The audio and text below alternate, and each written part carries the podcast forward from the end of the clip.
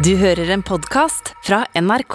Liverpool kan ikke legge seg bakpå og ri på 0-0 fordi de har sluppet inn et mål. Hvem, hvem er det som har sagt det her? Det er meg skyldig. Jeg har til og med T-skjorte hjemme med det trykket på, så den var enkel.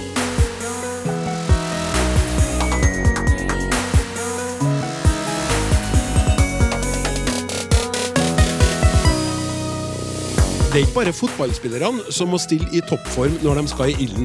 Også de som kommenterer dem, trenger å ha sakene på stell og språket på plass.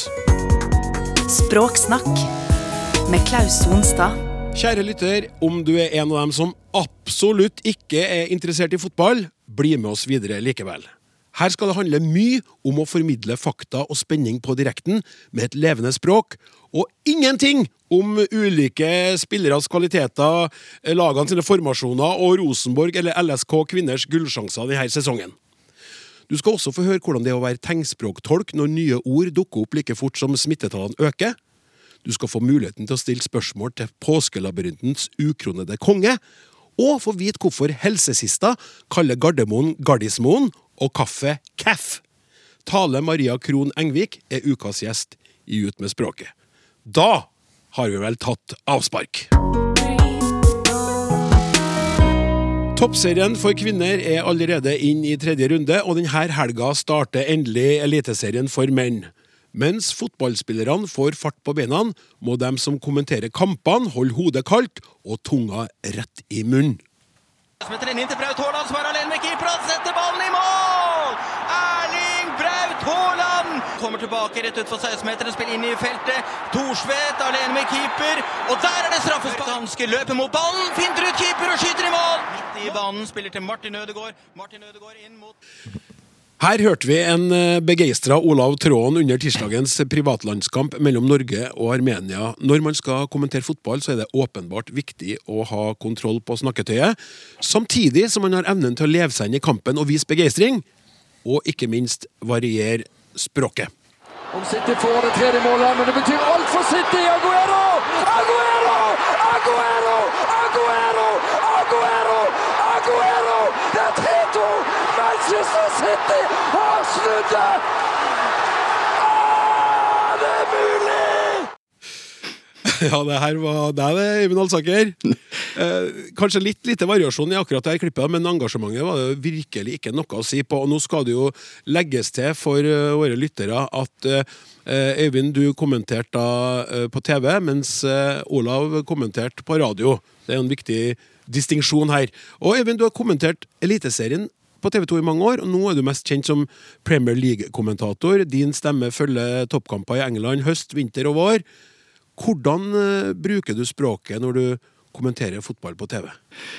Stort spørsmål. Eh, bare til det klippet som du spilte av. Eh, det er ti år siden eh, det skjedde. Jeg har aldri vært i nærheten av et sånt dramatisk øyeblikk igjen. Jeg tror du kan leve et langt liv som fotballkommentator og aldri komme i nærheten av et sånt øyeblikk. Og i de store øyeblikkene så tenker jeg at informasjonsverdien ikke er så viktig. Mm. Eh, da er det engasjementet som, som teller. Og det er eh, viktig å ta med seg når jeg skal snakke om fotballspråket. Eh, fordi det handler litt om å treffe stemningen i, i sofaen, om du vil. I enkelte situasjoner. Utover det, mange fotballkamper er ikke som dette. De ganske, kan være ganske kjedelige. Det kan være 89 minutter uten noe, og så skjer det avgjørende ett minutt inni der et sted, og da skal en på en måte være på plass mentalt og språklig for å formidle det. Jeg har en ambisjon med språket når jeg kommenterer fotball. Det har jeg. Mm. Prøve å variere, prøve å ja, utvide bildet. Gi, gi merverdi til bildet. Og er samtidig veldig klar over at at bildet vinner alltid. Bildet er det sterkeste. Ja. Så hvis jeg snakker om eh, veldig mye annet enn det folk ser i bildet, så tror jeg det blir opplevd som støy. Nettopp. Og det er den balansegangen du hele tida eh, må ta hensyn til? Ja, det tror jeg er veldig viktig. Det er uh, et av mine mantra. Er å følge bildet. Uh, slavisk, nesten. være forsiktig med å dra inn for mye statistikk eller klubbøkonomi eller andre ting. Snakker veldig sjelden om enkeltspillere uten at de er i nærbildet, f.eks. Mm. Eh, faktisk eh, ganske ekstremt opptatt av å, å følge bildet. Eh, og så kanskje en, eh, en, overraskende ting for mange. Eh, jeg tror det er veldig viktig å holde kjeft. Jeg tror det er et veldig sterkt våpen i fotballkommentering. Ja. Her sitter en eh, kar eh, i studio og nikker til det du sier her. Eh, fotballinteressert er han, og idrettssosiolog også ved NTNU. Arve Gjelseth, velkommen til deg. Takk. Arve, du har gjort deg en del tanker om hvordan fotballkommentatorspråket har utvikla seg. Og på 90-tallet så skjedde mye. Fortell oss litt om det. Ja, Det viktigste for norsk del var jo at norsk fotball ble så mye bedre på 90-tallet. Og det var da i første omgang særlig drevet av to uh, personer. I hvert fall var det to personer som symboliserte den fremgangen. og Det var jo Nils Arne Eggen i Rosenborg, og så var det Egil Drillo Olsen som landslagstrener. Og disse hadde én ting til felles, og det var at de var veldig ivrige etter å formidle et uh, mer sånn fotballfaglig språk og et fotballfaglig begrepsapparat som kunne belyse det som skjedde ute på banen. Kan vi, uten å fornærme andre, eh, antyde at de tok en mer intellektuell tilnærming til det hele? Ja, det gjorde de. Eggen i form av pedagogikk og, og, og faglighet og de fotballfaglige inspirasjonene han hadde. Og, og, Drillo er jo på en måte en, nærmest en sånn vitenskapelig scientist. altså Han tror på kvantitative data, og han tror på mest mulig presise begreper og sånn. Og gjennom sin suksess så lyktes da disse i å på en måte få deler av dette begrepsapparatet inn, blant, ja, inn i mediene først. Og da ble det også en del av publikums samtaler om fotball. Plutselig visste alle hva breakdown var. Um, alle som gikk på Lerkendal, skjønte forskjellen på rom 1 og rom 2. Uh, for og, og kommentatorene begynte å bruke disse begrepene, og det, helt, det ville vært helt gresk i 70-80-årene i Norge. Ja. Men, men, men, på en måte fremgangen gjorde at dette gled inn i, i samtalen om fotball. Ja. Øyvind, du har jo kommentert fotball i 30 år og har jo da vært med på denne utviklinga som Arve snakka om nå. Om nå. Hvordan kjenner du deg igjen? Absolutt. Uh, altså, Drillo og Eggen uh, oppdro folk, utdanna folk uh, på det fotballfaglige. Med breakdown, med rommene, bakrom, mellomrom, alle disse tingene. Sideforskyvning, ikke minst, under, under Drillo. Dette var jo begreper som sto helt sentralt i deres fotball, fotballfilosofi. Og da blir det meningsløst å formidle den fotballen uten å å, å, bruke de begrepene. Eh, alternativet ville jo vært at vi eh, var kreative og fant opp våre egne eh, begrep for disse tingene, som vi kanskje i vårt hode tenkte skulle være lettere for seeren å, å, oppfatte, men som jo ville bare skapt enda mer kaos. Så der skjedde det et kvantesprang, vil jeg påstå, når det gjaldt fotballforståelsen hos publikum. Eh, og den utviklinga tror jeg bare har fortsatt og fortsatt, fordi eh, informasjon er nå så tilgjengelig. Så alle som er veldig opptatt av fotball, eh, eh kjenner de innerste tankene til Pep Guardiola, Jürgen Klopp. Eh, to managere som kanskje er de to beste i verden i øyeblikket. Mm. Um, og dermed har vi også fått gegenpress og vertikale soner osv. Altså, Eh, stadig flere blir stadig mer opplyst fordi tilfanget av informasjon Man kommer veldig tett på disse klubbene, deres eh, eh, filosofi og treningsmetoder. og da gjelder det å finne en balansegang, tror jeg, mellom å få med alle, eller flest mulig, men også tilfredsstille de som, som, som kan mye. Ja, her tenker jeg Arve, det med, som Øyvind nå beskriver her nå, at det er så mye fag nå at, at det, faget forskyver floskler nå. For jeg tenker at når da trenere begynner å uttrykke seg annerledes språklig, mm. kommer med andre bilder, språklige bilder, andre forklaringer, så blir det kanskje tyngre å være en kommentator som, er, som har vært glad i floskler som fotballen er rund og ja, en del det, andre sånne det, det, blir det, og, og, og, Drillo var jo før han ble landslagstrener, så jobba han jo litt på som sidekommentator i NRK Radio sammen med Bjørge Lillien, husker jeg. Han kommenterte en del kamper, blant annet. Um, og han uh, var jo veldig misfornøyd med kunnskapsnivået hos norske fotballkommentatorer. Jeg husker Det var en debatt på radio Jeg husker ikke om han hadde blitt landslagstrener om det var like før. Han skrev en eller annen eh, kronikk om, eh, som kritiserte kunnskapsnivået til norske fotballkommentatorer nord og ned. Han ga et eksempel på en kommentator som hadde sagt Nytt, fint fremspill fra Glenn Hoddle, men denne gangen var det ingen der til å ta imot. Og dessuten var det offside. ikke sant? Da tar bare kommentatoren utgangspunkt i at Glenn Hoddle er en god spiller, så dette ser ut som en fin pasning. Men det var jo en feilpasning eller en pasning i ingenmannsland. ikke sant? Men, men ikke sant? For du, du, har- da har ikke kommentatoren blikket for spillet og, og tror det er en fin pasning fordi det er Glenn Hoddle som slår den. i det tilfellet da. Uh, så han var veldig opptatt av å på en måte lære folk om hva som var de sentrale spilleprinsippene i fotball. Og han fikk da mediene altså Rett før VM i 1994 så hadde f.eks. VG to sider med begrepsforklaringer på Drillo-fotball. eh, Som en sånn informasjon til publikum. Jeg tror faktisk det sto på, jeg er usikker på om det sto på sportssidene eller på kultursidene. Men altså, det, dette språket må vi lære oss hvis vi skal ha noe utbytte av å følge Norge i VM. Det skjønner jeg. Men eh, der har du jo suksessen til Drillo er jo på en måte den beste læremesteren. Vi var nummer to i verden. Så Hvis du ikke hang med på Drillos terminologi, så var du helt utafor. Ja. Altså, hele Norge var Det var fotballfeber i, i hele Ja, nasjonen. ja vi, vi trodde vi hadde funnet opp hjulet på nytt. ikke sant? Det, det oppsto en sånn plutselig følelse av total uslåbarhet i de i, frem til fiaskoen i 94. da. Jeg skjønner, men, men det, det som jeg lurer på, da, Øyvind, er altså det språklige når Fordi um, jeg som tilskuer, eller, eller ser, da jeg opplever jo at Drillo er ganske sånn eh, neddempa. Han, han, han er jo ikke entusiasmens far, eh, vil jeg si. da. Hvordan, hvordan, eh, hvordan navigerer du i det her farvannet for å begeistre seeren samtidig, Eivind? Altså I TV 2 har vi et eh, slagord, og det, det lyder uh, 'begeistring med troverdighet'. Det er uh, essensen uh, hvis vi skal Hvis vi skal snakke om vår kommentatorfilosofi, da. Men jeg, jeg, jeg tror jo at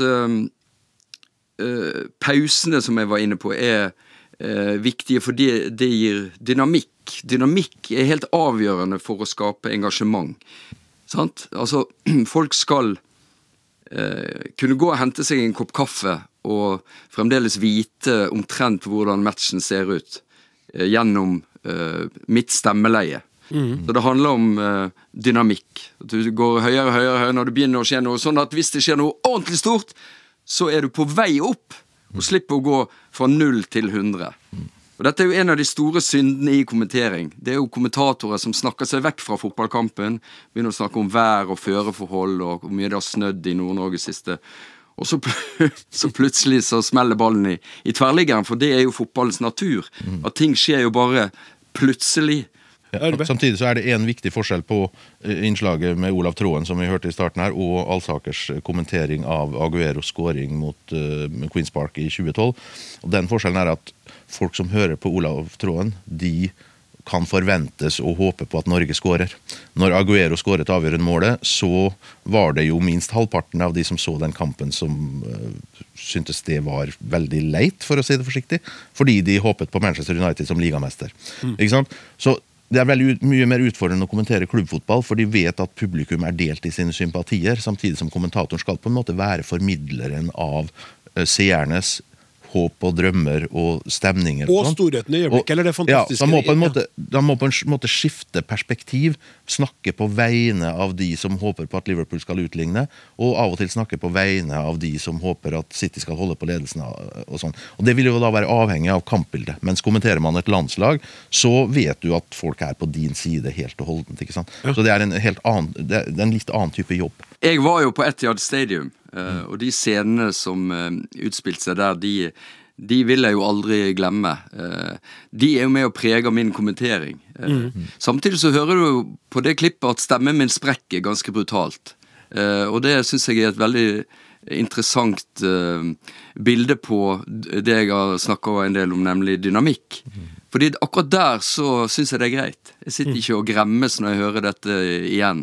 Og det er ganske viktig, det klippet. sant? For som jeg sier, jeg sitter ti år etter og har ikke vært i nærheten av det samme.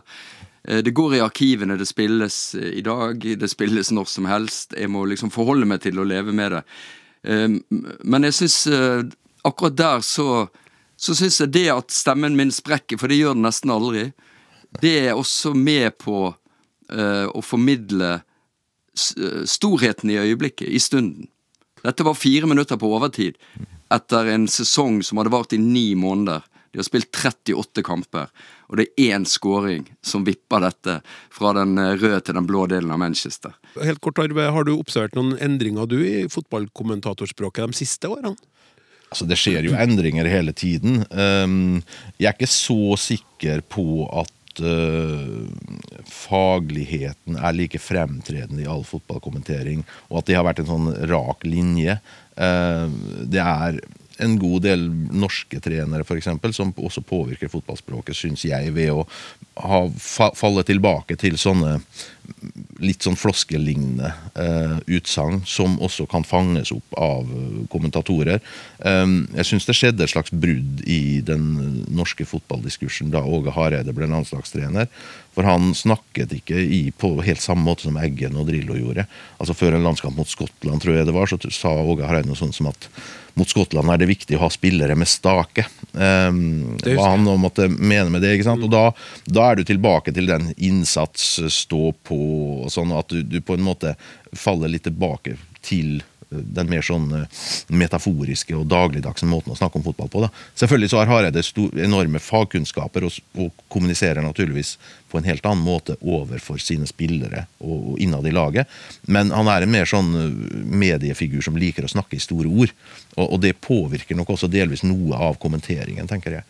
Eh, ellers så er det jo klart at noen, noen fast uttrykk i fotballen blir til klisjeer, og dermed så blir de gradvis litt sånn forlatt. Eller de, man blir lei av dem. Det er færre enn kommentatorer enn for 30 år siden som sier at en scoring er som tatt ut av læreboka. Ja. Um, og Læreboka består jo stort sett av at en spiller kommer til, ned til dødlinja og slår 45 grader ut. Det er en meget kort lærebok i så fall. Ikke? Men, men det er på en måte Det er blitt en klisjé, og dermed så, så blir den mindre i bruk. Man må finne på nye ting hele tiden. Og, Ja, og apropos nye ting. mm. helt til slutt til deg, Øyvind. Eh, Du har eh, observert eh, at det er noen ord som andre kommentatorer bruker, som har starta opp mer i det siste, som, som ikke føles naturlig for deg? Ja, eh, så, sånn er det jo. Altså, vi har jo i, i TV 2 i hvert fall en, en kirkegård med, med klisjeer, eh, der det stadig legges nye, eh, som eh, siste spiker i kista osv. Altså, det er rett og slett det er uttrykk vi forbyr. Eh, så kommer det jo en eh, ny generasjon kommentatorer. Jeg merker jo det at eh, vi har jo brukt ordet kasse om, om selve målet, eh, men en del kommentatorer nå velger å, å, å kalle skåringen for en kasse. Eh, Ja. Og det faller ikke mer naturlig, så det er nok noe jeg aldri kommer til å, å ta i bruk. Men jeg syns det, det er kult.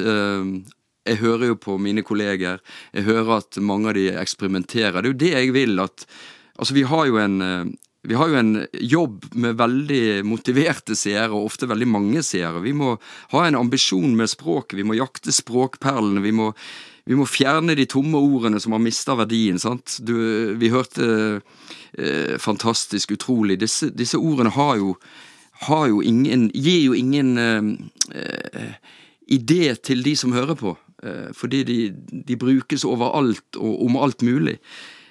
Så det å være mer konkret, beskrive, eh, leke med språket, eh, og av og til innse at en bommer, men ikke miste lysta på å eksperimentere, det, det tror jeg er veldig viktig. Der syns jeg det jobbes godt rundt omkring, og så må vi bare erkjenne at det engelskmennene kaller staircase wit, er, vil være med oss bestandig. Du vil alltid, når du forlater en fotballstadion og går ned trappene etterpå, komme på det du egentlig skulle sagt eh, i den og den gitte situasjonen. Det er eh, forbannelsen, men det er også det som eh, gjør denne jobben så utrolig fascinerende, og at man aldri, aldri kan levere en perfekt match. Man blir aldri utlært. Det er som i livet for øvrig, og så er det jo sagt med sannhet at fotballen er rund, og at den stort sett er i bevegelse. Det kan vi også konstatere. Og at fotball engasjerer, enten du elsker fotball eller ei. Hør på det her. Bjørneby.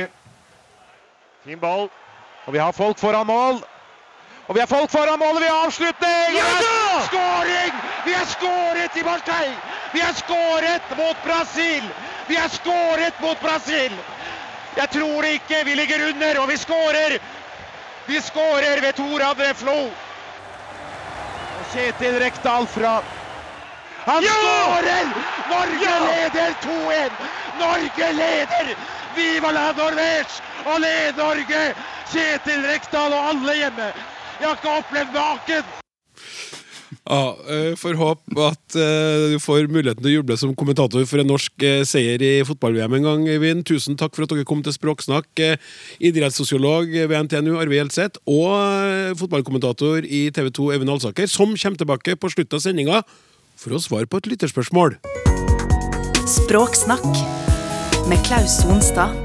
Det nærmer seg påske, og for mange er Påskelabyrinten på NRK Radio og nå også TV en kjær følgesvenn, enten man befinner seg på fjellet, i byen eller ved havet. Da passer det jo perfekt at påskelabyrintkonge Viggo Valle er gjest i neste Språksnakk. Han kommer for å fortelle oss om sitt forhold til språk, personlig og profesjonelt, og siden herr Valle vanligvis er den som stiller radiolytterne spørsmål, så tenkte jeg at det kunne være på sin plass med en liten vri denne gangen. Har du noe du vil spørre Viggo om? Ut med språket! Skriv til snakk krøllalfa nrk.no. Snakk krøllalfa nrk.no. På forhånd, takk! Ukas gjest i Ut med språket har truffet en nerve ved å snakke og skrive om vanskelige tema i et ærlig og direkte språk. Hun vokste opp med TV-apparatet innlåst i et skap, men er sjøl blitt kjent som et skikkelig skjermtroll. ja. Å, den var fin. var den fin? Var den fin? Ja, veldig. Jo. Tale Maria Krohn Engvik, eller Helsesista, velkommen, og gratulerer med ny bok, Våg å være voksen. Tusen takk. Veldig, veldig stolt mor til boka. Ja. si. ja. Det, det er jo da ei, ei fysisk bok, men uh, ordspillet med skjermtroll det er jo absolutt eh, relevant i ditt tilfelle, for i dag så opererer du mye på Snapchat og Instagram, Ja. Uh, og er helsesista, hele Norges sådan, men sånn har det jo ikke alltid vært. Du var helsesøster, ja. og, og så fant du, ifølge de opplysningene jeg greide å google meg fram til, en lapp på kontordøra di en dag, Det stemmer. som ble livsendrende. Det var en Post-It-lapp. Ja, tenk det, da. Skal du si hva som sto der? Skal jeg lese det opp? Altså, du kan godt lese det. Helsesøster er her når det er fullmåne og rektor halter. Ja, det sto det faktisk på døra mi. Tenk det, da. Å komme på jobb, og så står det det. Det var som et eh, det, det var jo, Jeg ble jo stabba i dette store helsesøsterhjertet mitt. Bare Ja. Nå har det vært noen her, og, ikke, og jeg ikke på kontoret. Og Jeg for du hadde flere kontor du skulle være innom. Ja, jeg hadde jo fire kontor. jeg hadde fire skoler som jeg sjonglerte på ei uke. Ja. Og så i tillegg er jeg jo sånn alenemamma. Og så jeg sjonglerte jo de barna hjemme òg. Så det var jo mye som skjedde. Altså Plutselig så var bare ett av barna syke, og så kom jeg kanskje ikke på skolen den dagen jeg skulle. Eller så var det Sånne helsesøstre har jo av og til møte og kurs og sånn de må på. Så det var jo litt uforutsigbart, eh, kanskje, når jeg var der. Og så eh, gikk det opp for deg at det kanskje gikk an å kommunisere og snakke om helse og problemer på en annen måte. Ja, altså da tenkte jeg sånn, jeg kan jo bruke Snap, Snapchat for å fortelle dem hvilke dager jeg kommer de ulike plassene. Ja. Og kanskje si sånn, husk å teste dere for klamydia. Og, og tenkte hvis noen av elevene velger å følge med litt over tid, så kanskje jeg kan klare å um, få dem til å bygge selvfølelse og sånn, for det visste jeg jo at mange sleit med.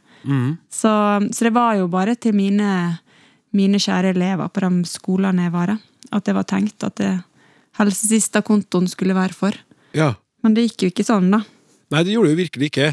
Eh, fra den spede start. Altså, helsesøster, som vi husker det fra Altså, når jeg sier vi, snakker jeg om meg. Kan jeg, si, jeg husker det. Så var det litt sånn en, Ikke en streng, men en sånn ganske myndig person i uniform. Og uniform òg, faktisk. Ja, eller slags, ja. hvert fall en sånn slags uh, ren og pen bekledning. Ja, Som iblant dukka opp med sprøyter og sånn. ja. Og du snakker da om jeg, jeg kan sitere fra en artikkel her.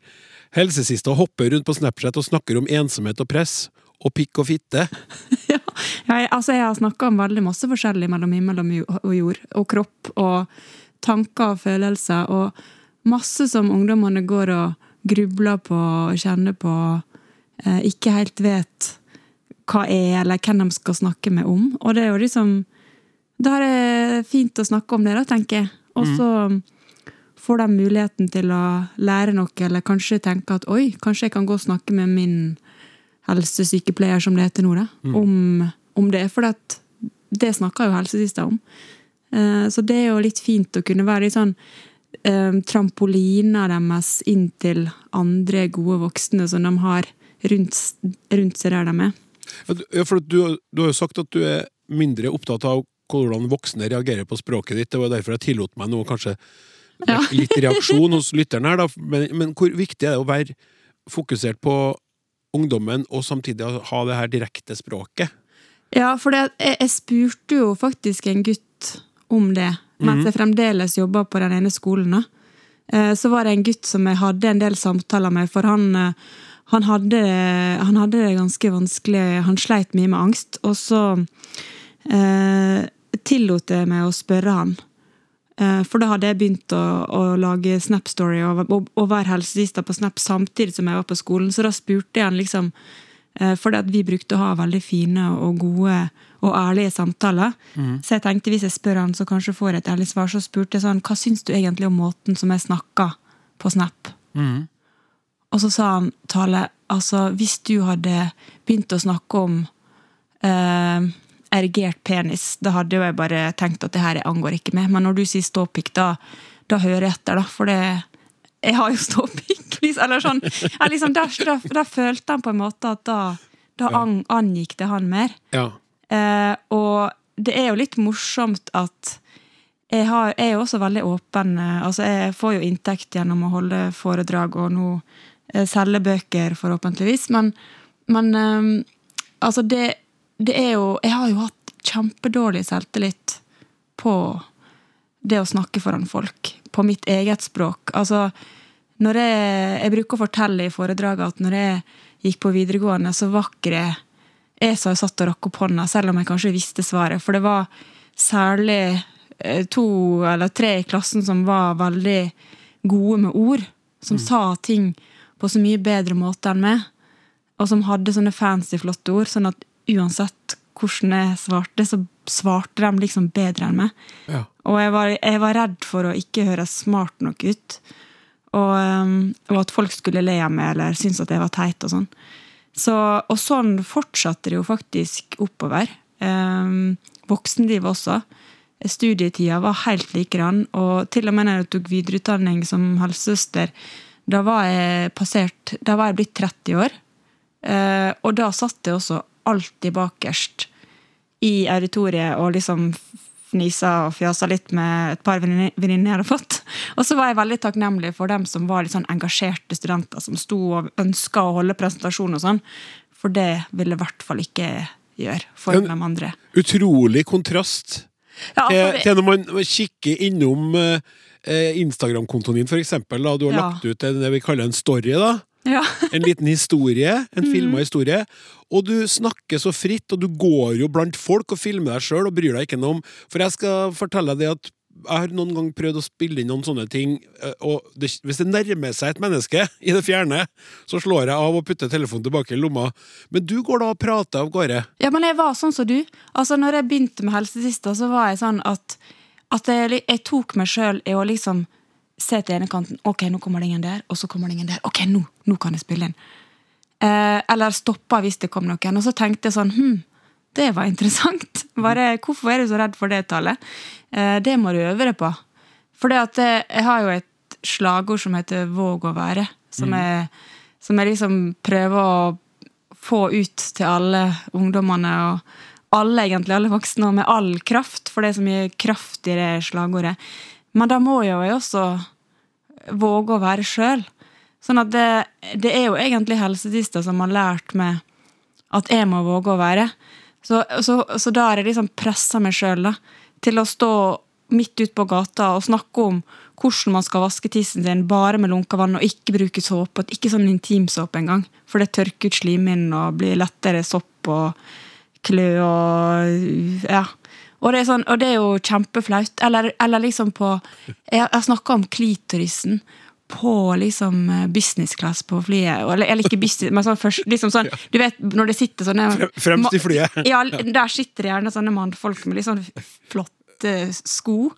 og press i buksa og sånn, og så plutselig begynner jeg ved siden av å snakke om hvor mange nerveender det er på, på klitorisen. liksom. Dobbelt så mange på, sånn på pikkhodet til guttene. Og det er jo sånn, for å gjøre det ekstra kleint, men, er, men også liksom for å virkelig ut, utfordre meg sjøl. Og, så syns jo ungdommene òg at det er morsomt, og at jeg er gæren, og, og så ler de litt ekstra. Og herregud, hvor det er helt um, Det er ikke så ofte jeg gjør sånne ting. Nei, men har, altså, da presser jeg meg sjøl virkelig. Altså, jeg kan, jeg kan være helt svett, og jeg kan ha hjertebank. og Altså, det er, det er ikke nødvendigvis så lett som det ser ut som. Men jeg har jo trent med og øvd med akkurat samme som jeg eh, med å holde foredrag og, og stå foran folk. Nå, nå gjør jeg jo det Jeg kan være litt fuktig under armene, og, jeg kan, eh, og det kan banke litt i hjertet fordi at det er viktig for meg. Men ikke fordi at jeg er så redd for å si noe feil. Eh, For da ler jeg bare av meg sjøl, og, så, så, så, og så prøver jeg å vise at det er veldig viktig å være uperfekt. da. Du, jeg, jeg må spørre deg om en annen ting her, fordi jeg, jeg, jeg tok bare noen eh, ferske eh, sånne skjermbilder av, eh, av eh, noen småsnutter du har laga, da. Ja. Og da skal du på tur, og så skriver du på det ene bildet der jeg har frosset, og så står det 'Gleder meg til å få servert caff'. Ja.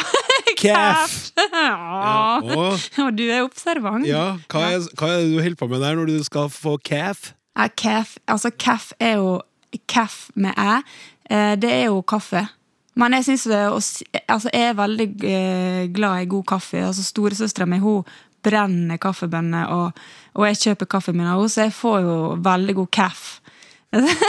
så, sånn at jeg syns det er litt kjedelig å si kaffe. da Ok. Så jeg sier kaff med, mjøl, caff med mjølkeskvett.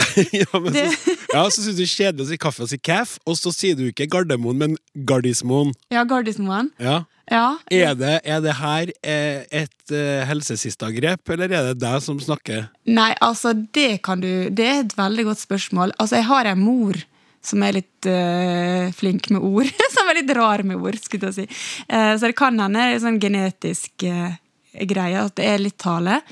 Som er å finne på sånne litt rare ord. Men, eh, men det er også um, det er også en litt sånn helsesistegreie ved at jeg velger noen ord som skaper på en måte et sånt eget samhold i det samfunnet som er på en måte laga litt, da. Ja. På sosiale medier.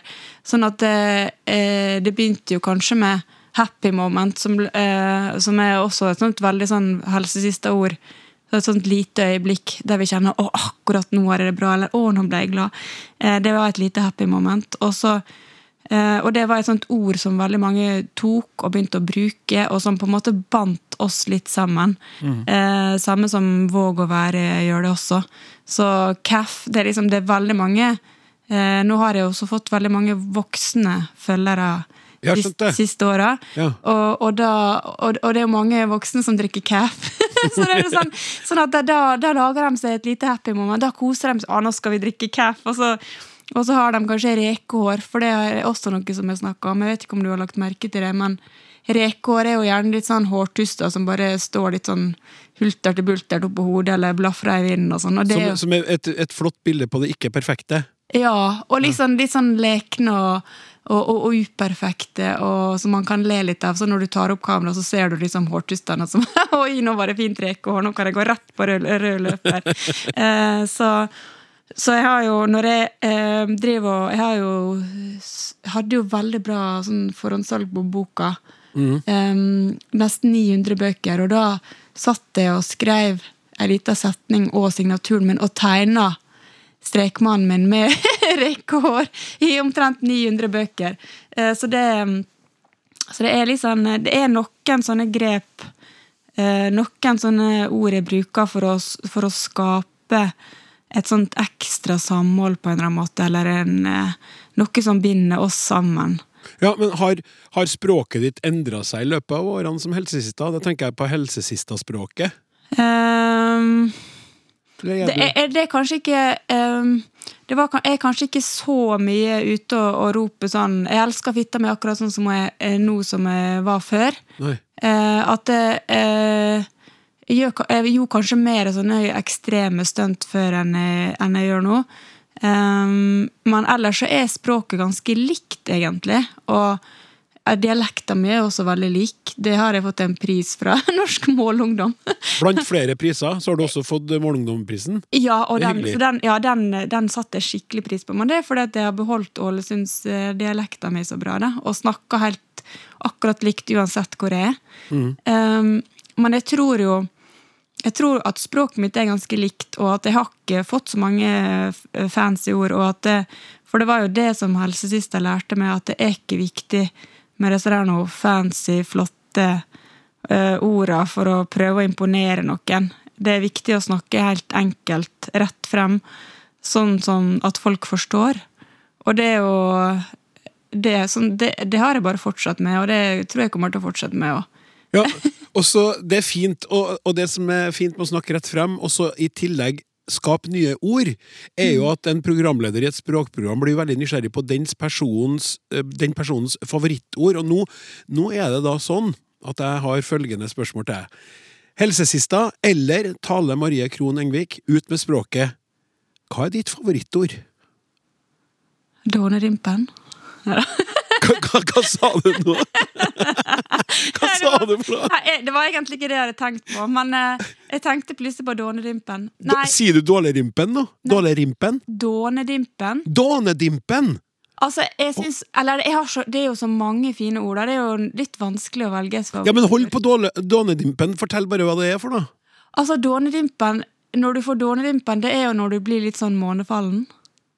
Ah. At du liksom bare at, du, Dåne, vet du hva er? Liksom at, Ja, ja, ja, ja. Ja. Altså, Hvis du for eksempel eh, møter noen som du blir veldig begeistra for, da. Ja, da kan du få dånedimpen. Eller hvis du liksom Sånn som når boka mi kom, da fikk jeg i hvert fall dånedimpen. Litt sånn sånn endelig. Ja. jeg jobba så hardt, og så var det En Ja, så det, er på en måte en slags sånn her noe ekstrem gledesfølelse. Eller sånn Jeg er jo eh, også veldig glad i det ord liksom, Jeg hadde egentlig tenkt å si eventyr, men det er litt kjedelig.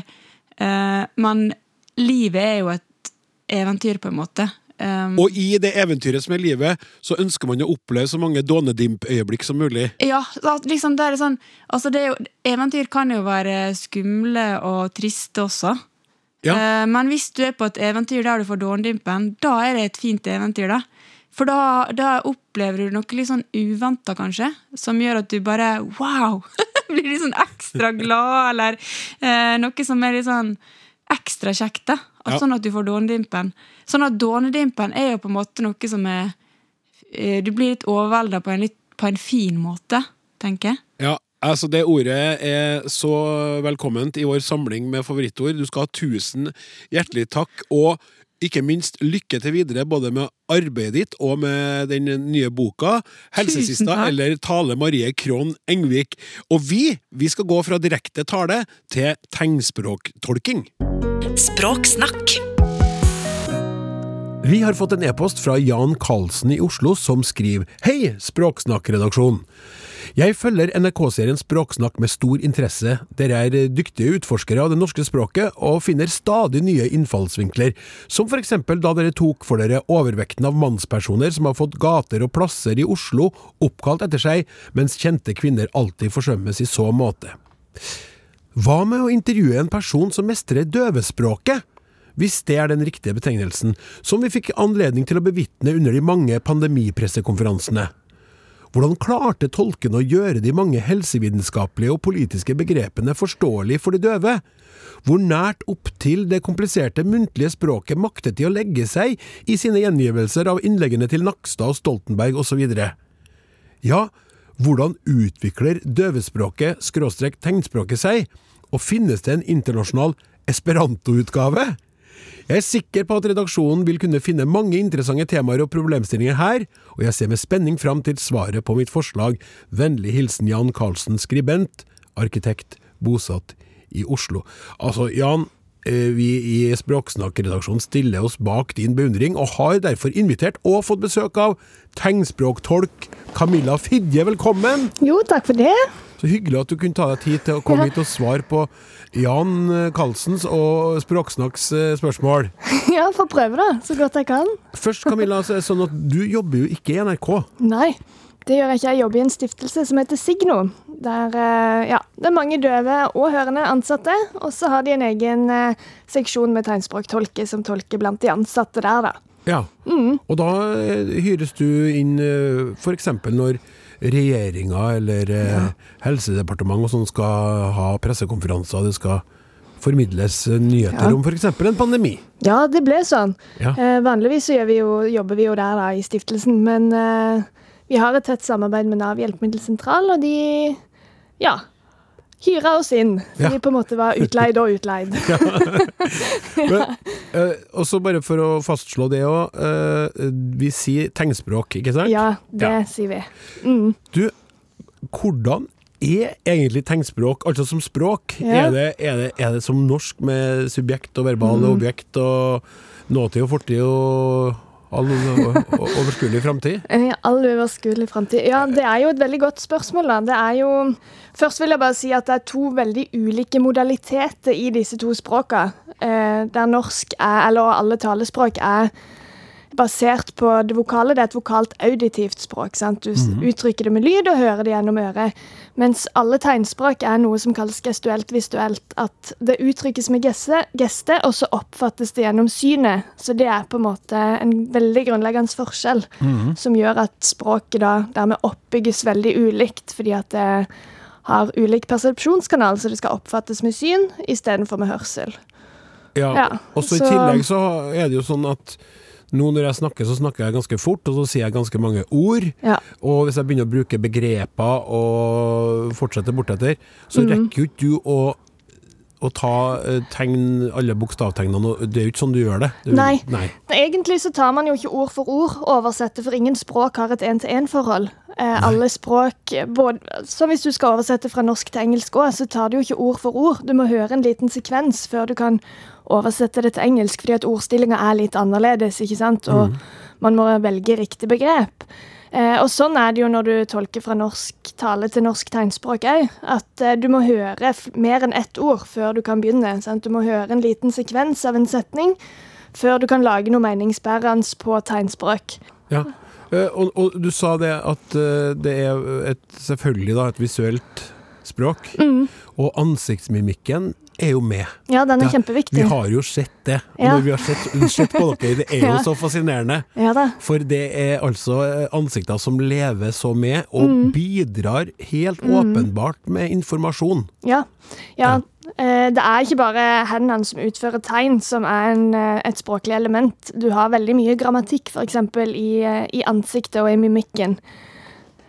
Eh, Grammatikk i mimikken. Ja, spørresetning f.eks.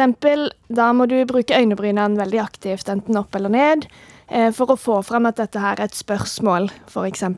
Ja. Og, og alvorlig. Jeg har skjønt at dere blir alvorlige òg, så Ja. sammen nesten kan det se litt sint ut. Ja. Ja. Ja, for du, hele intonasjonen Mhm. skal jo uttrykkes gjennom mimikken din. Ja. Sant? For du har jo ikke noe tonefall på tegnspråk på samme måte som du har på norsk.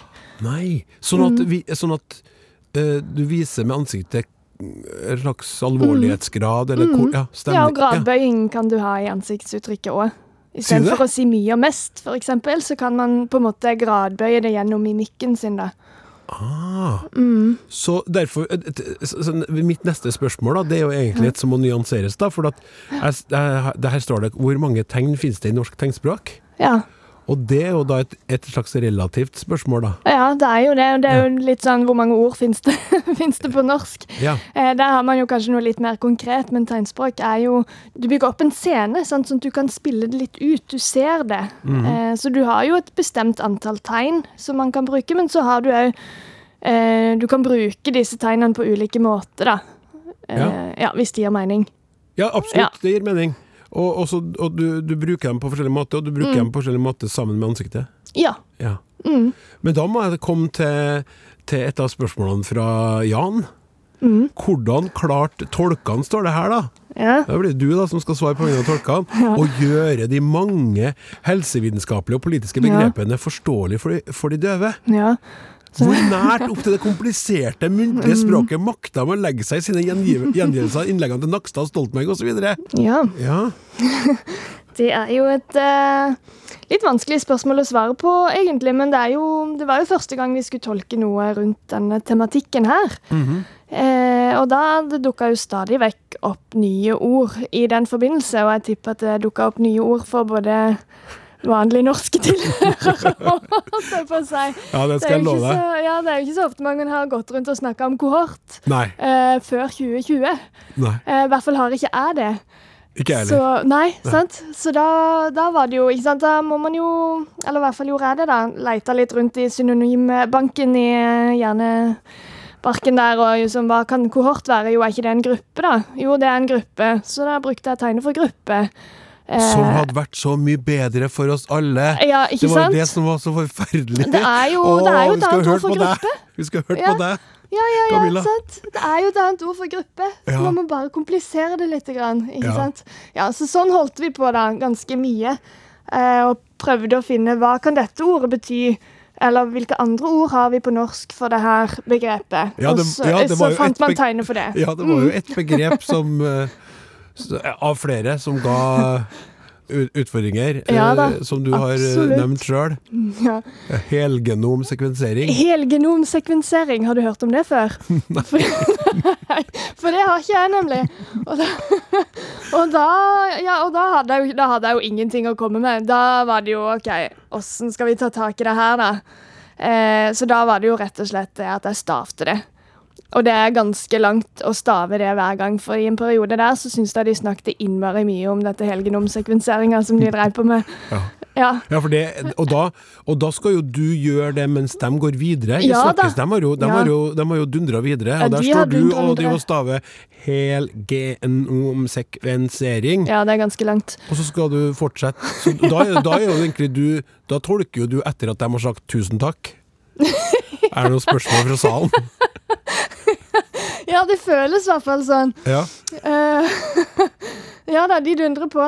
Men uh, ja, og etter hvert så fikk vi jo etablert et slags tegn. Og så det er jo Ja, jeg vet ikke hvor innafor det er å bare finne på ting i et språk. Da. Det skal man jo ikke gjøre. Og det gjorde vi jo heller ikke der, på sett og vis. Men så gjorde vi det litt likevel for å komme oss gjennom det, rett og slett. Eh, og da deler jeg opp ordet. ikke sant? Tegnet for hel, det kan jeg. Tegnet for genom, det kan jeg ikke, så det er bare stave.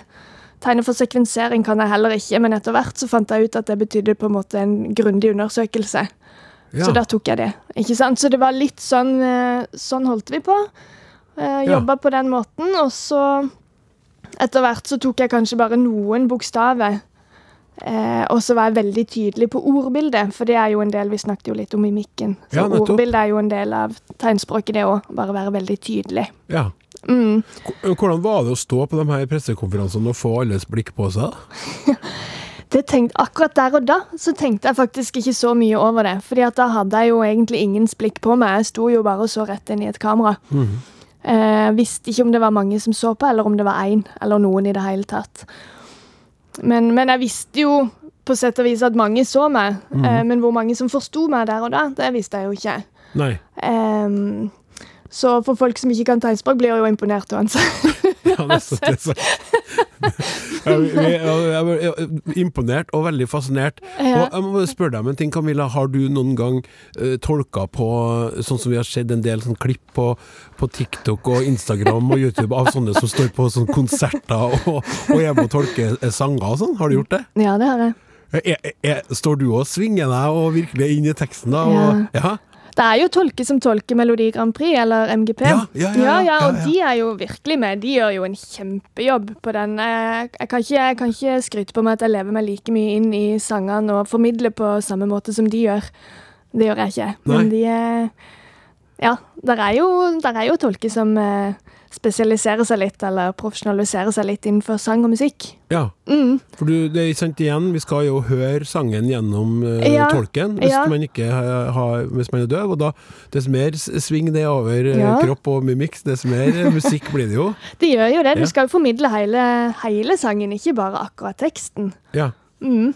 Men eh, det som Jan lurer på, da, hvordan utvikler tegnspråket seg? Og, og- så Mm. spør han jo også her om det finnes en internasjonal esperanto-utgave. Ja. Eh, For å ta det siste først, da, så er det noe som heter international signing. Ja. Eh, og det er nok litt mer etablert i verden enn esperanto. Det tror jeg nok. Eh, det er basert veldig mye på amerikansk Nå snakker jeg litt utafor eh, mitt kompetanseområde, det må jeg bare si. Så Ja, så det bare- kan hende at noen arresterer meg etterpå. Det er mye basert på amerikansk tegnspråk og andre lands eh, tegnspråk. Alle land har jo sin egen, sitt eget tegnspråk. Mhm.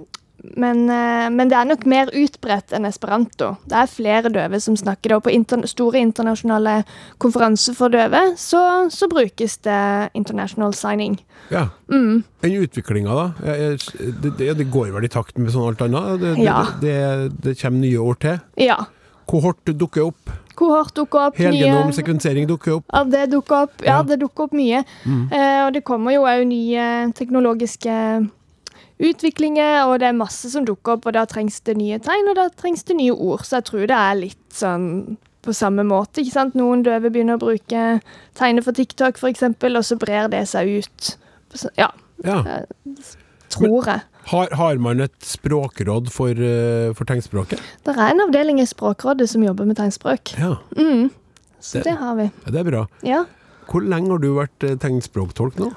Da har jeg vært tegnspråktolk i ti år. I år, faktisk. Ah, jubilerende. Ja, det gjør jeg. Så hyggelig. Hva, hva syns du er det beste med tegnspråkjobben, da? Tolkejobben? Det er så variert. Ja. Eh, du, får du får innblikk i utrolig mye. Eh, man får på en måte Jeg pleier ofte å si det at jeg har ganske sånn grunn overflatekunnskap på veldig mange områder. Ja. Mm, Du kan lite om mye. Jeg kan lite om mye. Ja. Og så skal jeg stille et spørsmål her, som jeg, har, eh, som jeg da henter fra en eh, eh, en spalte vi har i det programmet som heter Ut med språket. Så skal du få en vri av det. Det her blir spennende på radio, Camilla. ja. Camilla Fidje, ut med tegnspråket. Hva er ditt favorittegn? Haha. Uhu, Og det var veldig, veldig vanskelig. Skal jeg ta et for deg? Skal skal jeg foreslå et? Foreslår du helgenomsekvensering? Nei, det gjør jeg virkelig ikke. Hva er tegnet for kjærlighet? Å ja. Tegn for kjærlighet. Da har du eh, to flate hender over hverandre. Mm. Og så holder du de inntil brystet der som eh, hjertet er. Og så Ja. fører du de litt oppover. Oh. Som en sånn varme. Oi, det var koselig. Nå fikk jeg gåsehud! Det var veldig hyggelig. Eh, er det ditt, valg? Vi kan si at det er mitt favorittegn. altså, Så manipulert har aldri en gjest, gjest, gjest blitt her i Språksnakk. Nei. Nei, men Tusen takk skal du ha for at du tok deg tid. Ja, eh, hyggelig jeg fikk komme. Ja, snakke med oss. Og eh, på gjensnakk en annen gang, Camilla Absolutt. Fidje, tegnspråktolk. Hør flere episoder av Språksnakk i appen NRK Radio. Da er vi ved ukas lytterspørsmål, og vi har fått med Øyvind Alsaker. Og nå tenker du som hører på språkforsk... Hva, har Øyvind Alsaker også en eh, fortid som språkforsker? Nei, han er fotballkommentator, en meget habil sådan i TV 2. Og det her spørsmålet er jeg ganske overbevist om at han kan svare på. Så derfor han er her. Er du klar, Øyvind? Klar. Hei! I tillegg til å være over gjennomsnittet interessert i språk, er jeg også over gjennomsnittet interessert i fotball. Fotballinteressen er mer eller mindre uunngåelig når jeg er født og oppvokst i Fredrikstad og håper på bedre tider for byens stolthet. I et program før sommerferien tok dere opp noen artige og tilsynelatende ulogiske eksempler fra fotballterminologien. Jeg håper dere har plass til et par uttrykk til. 1. Gå på løp skal i utgangspunktet være helt umulig i praksis, men like fullt er det noe som fotballspillere driver med. Han gikk på løp inn i bakrommet og kunne kippe kula i det åpne målet. 2. Hun skjøt i det lengste, eventuelt i det korteste, hjørnet, utagbart for keeper. Jeg har sett tusenvis av fotballkamper, men har så langt ikke sett noen fotballmål hvor det ene hjørnet er lengre eller kortere enn det andre. Kortversjonene er langhjørnet og korthjørne. Alle som vil, forstår at det borteste og nærmeste hjørnet gjør samme nytte, men det er kanskje ikke like fargerikt. Med hilsen Svein Kolstad Hansen. Ja, nå har du vel brukt både eh, korteste og lengste hjørne, Eivind. og du har sikkert sagt at noen går på løp òg? Ja, her er jeg, her er jeg skyldig, men eh, eh, det er veldig fint, Svein, at du tar opp dette her. eh, og jeg deler jo din, ditt håp om at Fredrikstad skal komme tilbake til gammel storhet. Jeg har hatt eh, ufattelig mange fine fotballopplevelser i, eh, i plankebyen eh, med flaggene langs eh, bybroa. Jeg la merke til at eh, lange, flate baller ikke var en del av, eh, av eh, spørsmålet. Men til de konkrete tingene som tas opp der, så, så er det sånn i mitt hode at en del eh, fotballspråk eh, får passere selv om det er unøyaktig, fordi det er etablert. Det er effektiv kommunikasjon. Alle forstår hva det betyr å gå på løp. Alle forstår at det lengste hjørnet er det som er lengst unna. Eh, Så der er jeg villig til å eh, gå litt på kompromiss, med, det som er språklig korrekt, rett og slett fordi jeg opplever det som eh, effektiv eh, kommunikasjon. Men det er bra at, at folk passer på oss, og at vi blir gjort oppmerksomme på sånne ting, fordi vi må stoppe opp og tenke, og vi må ikke liksom bli lulla inn i, i eh, språklige floskler og klisjeer som, som ikke har noen eh, verdi, nytteverdi, og som, som ikke fungerer i det hele tatt. Eh, Disse to eksemplene kan jeg med hånda på hjertet si at jeg har uh, synda mot mange ganger, men jeg, uh, jeg Jeg er ingen angrende synder. Nei, jeg skjønner. Ja, veldig bra. Det får bli, får bli det svaret som Svein Kolstad Hansen eh, får, og så får vi eh, Det gjenstår å se om han syns du scora mål med det svaret der. Øyvind, tusen takk skal du ha for at du var med i Språksnakk i dag, og lykke til videre med kommenteringa borti England. Tusen takk. Dagens sending er avblåst. Her blir det ingen tilleggsminutter. Husk at du kan høre Språksnakk når du vil i appen NRK Radio. Sendingene legges ut som podkast på fredager. Tekniker Martin Våge, journalist Randi Lillealteren, produsentene Hilde Zahl og Petter Gustavsen og programleder Klaus Solstad, takker for kampen og gir deg tre poeng for at du hørte på. Vi snakkes! Du har hørt en podkast fra NRK. De nyeste episodene hører du først i appen NRK Radio.